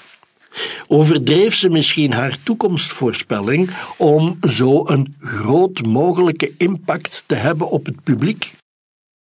En zo ja, kunnen we haar dat kwalijk nemen. Het grote probleem met deze strategie is dat ze uiteindelijk zichzelf ondergraaft. De activisten die ons uit strategische overwegingen doembeelden voorspiegelen waar ze zelf weinig geloof aan hechten, moeten de fabel van Aesopus nog eens herlezen over de jongen die steeds maar wolf roept. In het begin schrikken de dorpsbewoners op, maar wanneer het telkens opnieuw loos alarm blijkt, schenkt uiteindelijk niemand nog aandacht aan de roeptoeter. Als je voortdurend rondbazuint dat het vijf voor twaalf is, of één voor twaalf, of kwart over twaalf, dan haalt iedereen op den duur de schouders op. Je tast je eigen geloofwaardigheid aan. Die geschiedenis van gefaalde doemvoorspellingen over het milieu levert een dankbaar argument voor pakweg klimaatontkenners. Zij verwijzen nog steeds gretig naar de onheilstijdingen uit de jaren 70 over een nieuwe ijstijd en global cooling, waarvan natuurlijk niets in huis kwam. Het retorische effect van deze analogie is onmiskenbaar. Mensen gaan denken: ach, gisteren bliezen die groene gekjes koud, vandaag warm, ze verzinnen maar wat. De waarheid is echter, zoals we in hoofdstuk 7 zullen zien, dat de wetenschappelijke theorieën over de opwarming van het klimaat veel steviger onderbouwd zijn dan de speculaties destijds over een komende ijstijd. Er bestond overigens nooit enige wetenschappelijke consensus over die globale verkoeling. Wel gingen sommige activisten meteen op de doemtrompet blazen en werd hun deuntje door bepaalde media gretig opgepikt. Daarmee hebben deze doemprofeten de milieuzaak echt geen dienst bewezen. Door hun voorbarige afkondiging van de eindtijd is het tegenwoordig veel lastiger om de sceptici te overtuigen dat er echt een wolf aan de deur staat. Doordat paniekzaaierij je geloofwaardigheid ondergraaft, beland je ook snel in een vicieuze cirkel. Burgers die in de smiezen krijgen dat activisten de neiging hebben om alles flink te overdrijven, gaan alle onheilstijdingen consequent met een korrel zout nemen. Als Greenpeace zegt dat het 4 graden warmer wordt, mogen we daar wel een graad of twee van aftrekken. De activisten die beseffen dat burgers niet langer onder de indruk zijn, moeten dan nog een versnelling hoger schakelen ter compensatie van die neerwaartse correctie. Bovendien vechten ze niet alleen tegen de erosie van hun eigen geloofwaardigheid, maar moeten ze ook met andere activisten wedijveren om de schaarse aandacht van het publiek. Als alle profeten elkaar overschreeuwen in de heilige overtuiging dat hun eigen wolf de gevaarlijkste is van allemaal, dan halen mensen op de duur de schouders op voor zowel de echte als de ingebeelde wolven. Ik heb het grootste respect voor het werk dat Artsen zonder Grenzen verricht om kinderen te vaccineren en noodhulp te verzorgen in conflictgebieden.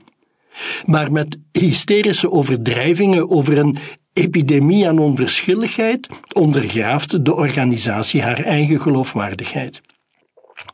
Ik wil Artsen zonder Grenzen graag kunnen vertrouwen wanneer het er echt toe doet, bijvoorbeeld wanneer het gaat over malaria en tropische diarree in ontwikkelingslanden.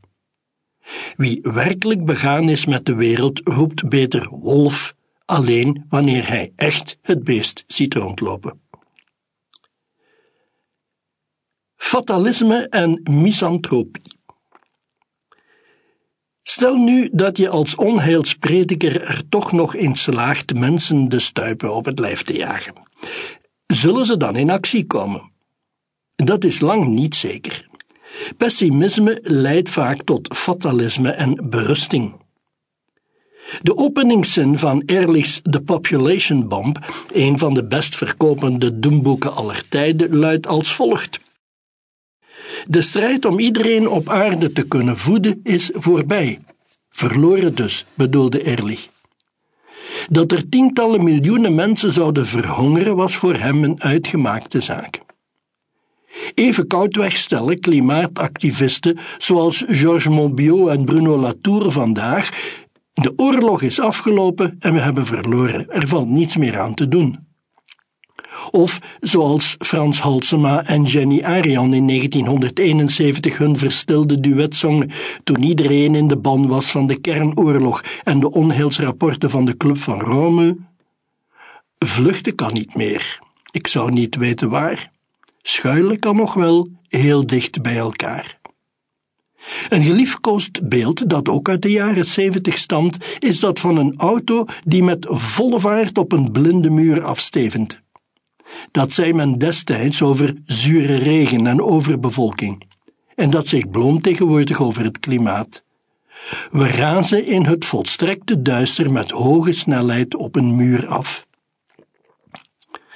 Wel, als de toestand nu echt zo hopeloos is, waarom zou ik dan nog enige inspanning leveren? Laten we dan nog snel alle steenkool en olie opstoken voordat we verzwolgen worden. Of gewoon schuilen bij elkaar tot het afgelopen is.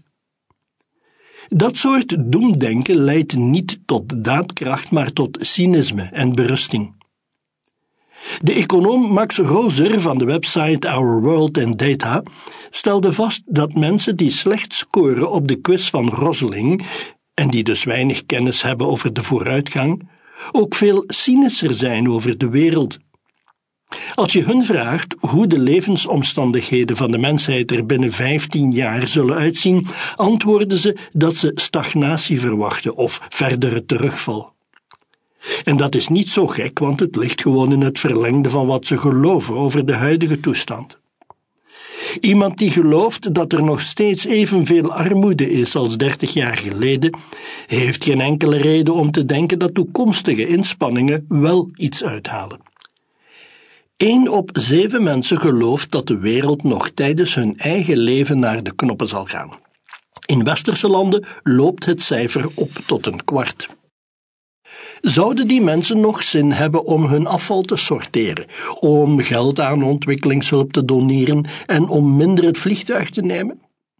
De enkelingen die de juiste antwoorden kennen op Roslings quizvragen waren echter hoopvol over onze toekomstige inspanningen, zoals Max Roser uitlegt. Degenen die optimisten zijn over de toekomst kunnen hun visie baseren op de wetenschap dat het mogelijk is om de wereld ten goede te veranderen, omdat ze weten dat we dat al hebben gedaan. Iemand die weet dat armoede wereldwijd al spectaculair is afgenomen, kan redelijkerwijs besluiten dat onze toekomstige inspanningen verdere beterschap zullen opleveren. Iemand die beseft dat we al veel oude milieuproblemen hebben opgelost, zoals het gat in de ozonlaag, zure regen en loodvervuiling, die weet ook dat we een goede kans maken om nieuwe milieuproblemen op te lossen. En als er iets bevorderlijk is voor de vooruitgang van de wereld, dan is het optimisme, niet pessimisme. De wereld gaat niet bergaf. Er zijn talloze redenen waarom mensen geloven dat het bergaf gaat met de wereld, maar de werkelijkheid zelf hoort daar niet bij. Geloof in neergang en stilstand is een illusie, veroorzaakt door de wet van de onzichtbaarheid van vooruitgang, de wet van de snelheid van slecht nieuws, de wet van behoud van gezeik en een reeks eigenaardigheden van het menselijke brein. De beste remedie tegen vooruitgangsloochening is een flinke dosis geschiedenis. Kijk even achterom en zie hoe diep de afgrond gaapt. In nog geen 200 jaar hebben we allerlei problemen opgelost of teruggedrongen. Slavernij, extreme armoede, oorlog, vrouwenonderdrukking, infectieziekten, die vroeger zo alomtegenwoordig waren dat niemand zich een wereld zonder kon voorstellen. We hebben niet de hemel op aarde geschapen, maar zoals McCluskey schrijft, schiepen we wel voor gewone mensen wereldwijd materieel gesproken voor de eerste keer een behoorlijk mooi vagevuur. Ik kan het niet beter zeggen dan Barack Obama tijdens zijn redenvoering aan de Howard University. Wie ontkent hoe lang de weg is die we al hebben afgelegd, brengt schade toe aan de zaak der gerechtigheid en aan de legioenen van voedsoldaten. Ik zeg dit niet om jullie te sussen met een gevoel van zelfgenoegzaamheid, maar om jullie aan te sporen tot actie. Want er is nog zoveel werk aan de winkel en we hebben nog zoveel meer kilometers voor de boeg. Als je de wereld wil verbeteren, moet je eerst geloven dat we daartoe in staat zijn. De vooruitgang van gisteren levert het overtuigendste argument dat vooruitgang ook morgen tot de mogelijkheden behoort.